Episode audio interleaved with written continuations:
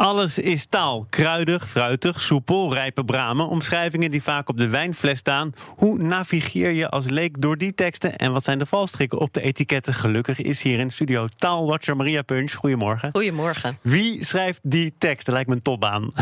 Ja, leuk. Maar die worden lang niet altijd geschreven door de mensen die er het meeste verstand van hebben. Uh, Harold Hamersma vertelde mij dat, wijnpublicist, bekend van de krantenrecensies en uh, de gidsen van wijn. Hij zegt uh, zeker bij wat hij dan confectie wijn noemt, de supermarktwijnen moet je aan denken, komen de omschrijvingen soms gewoon van de communicatieafdeling uh, en niet van de wijnexperts of iemand bij de importeur doet het. En dan wordt het soms bewust wat vaag gehouden. Dan krijg je inderdaad omschrijvingen als kruidig, vrolijk in het glas, vol fruit, fijne zuren. Nou, dat heeft een reden. Het zijn vaak ook wijnen, dan vooral wit en rosé, die een soort, ja, bijna een soort half producten zijn, die vers gedronken moeten worden. Jaar later al niet meer zo fris, vrolijk en knapperig zijn als wordt uh, beloofd. Ja, dan kun je dus ook niet zo heel veel beloven op dat etiket en allerlei mooie dingen vertellen. Als die wijn uh, ja, nou, binnen een jaar niet meer zo lekker is. Dit zijn wel die etiketten op de zogenoemde confectiewijnen. Geldt wel hoe duurder de wijn, hoe beter de tekst? Nee, uh, hoe oh, duurder de wijn, eigenlijk hoe meer huiswerk je zelf moet doen. Bij de wat duurdere wijnen, dan hebben we het over 10 euro en, en up en meer. Dan ontbreekt vaak de omschrijving achterop en is er niet zo'n etiket.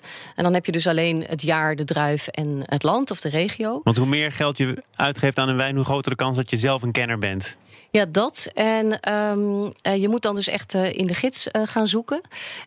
Of soms helpt een, een importeur door bijvoorbeeld tegen een restaurant te zeggen: Ik help je om die wijnkaart samen te stellen. en dan krijg je de proefnotities erbij. Maar en, dit, deze wijnen boven de 10 euro, die, die zijn toch niet heel erg te vinden in de supermarkt, of wel? Zijn daar heel veel wijnen van boven de 10 euro? Er zijn er wel wat, die staan dan meestal zeggen, hoog. Ja, dan ga, je naar ja. de, dan ga je naar de wijnhandel en dan vraag je, dat vind ik juist leuk ja. om dan te daar te vragen van... hé, hey, eet dat, welke wijn hoort daarbij? Ja.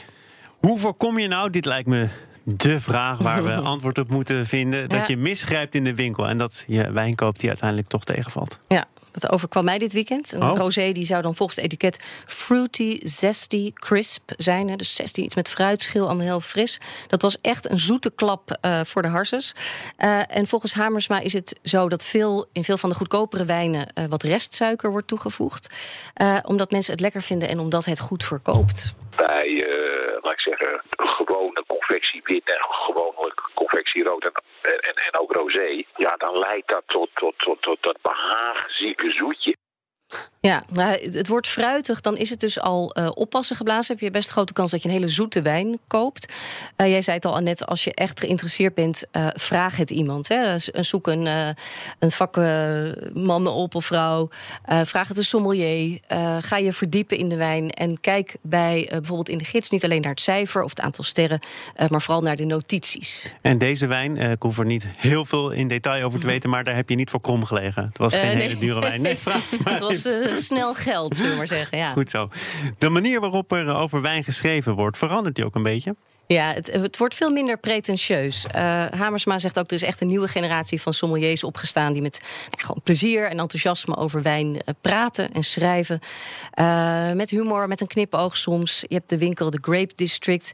Nou, die verkopen dan een Gruner Veldliner en die noemen ze Groovy. Dat is namelijk ook hoe ze in New York die wijn noemen. Groovy is dan een afkorting.